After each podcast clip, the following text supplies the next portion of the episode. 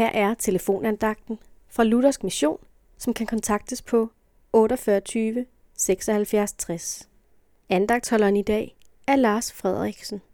Under tiden taler Gud om ting, vi næsten ikke tør tro. I dag siger han til dig, du er velsignet med al himlens rigdom. Du er udvalgt til at være hellig og uden fejl. Ja, du er hellig og uden fejl. Du har barnekår og må kalde Gud din far, for du er hans far. Og han er virkelig din far.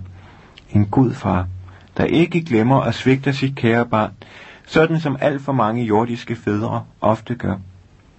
Dette siger Guds til dig, den hellige og ophøjede og almægtige Gud, der opretholder himmel og jord.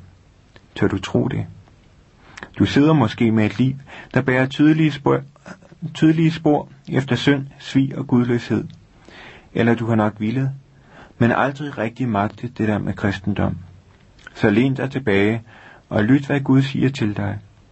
Jeg læser fra Paulus' brev til Efeserne, kapitel 1 og 2.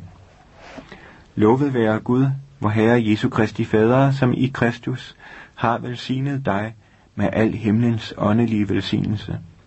For før verden blev grundlagt, har Gud i ham udvalgt dig til at stå hellig og uden fejl for hans ansigt i kærlighed. I sin gode vilje forudbestemte han dig til barnekår hos sig ved Jesus Kristus. Lad du mærke til, at det ikke var på grund af noget, du har gjort dig fortjent til. Ikke nogen gerninger. Ikke på grund af nogen fromhed eller bønder, men på grund af den store kærlighed, han elskede dig med. Ikke på grund af noget i dig, men på grund af Jesus er du frelst. Det skyldes ikke dig selv. Gaven er Guds. Amen.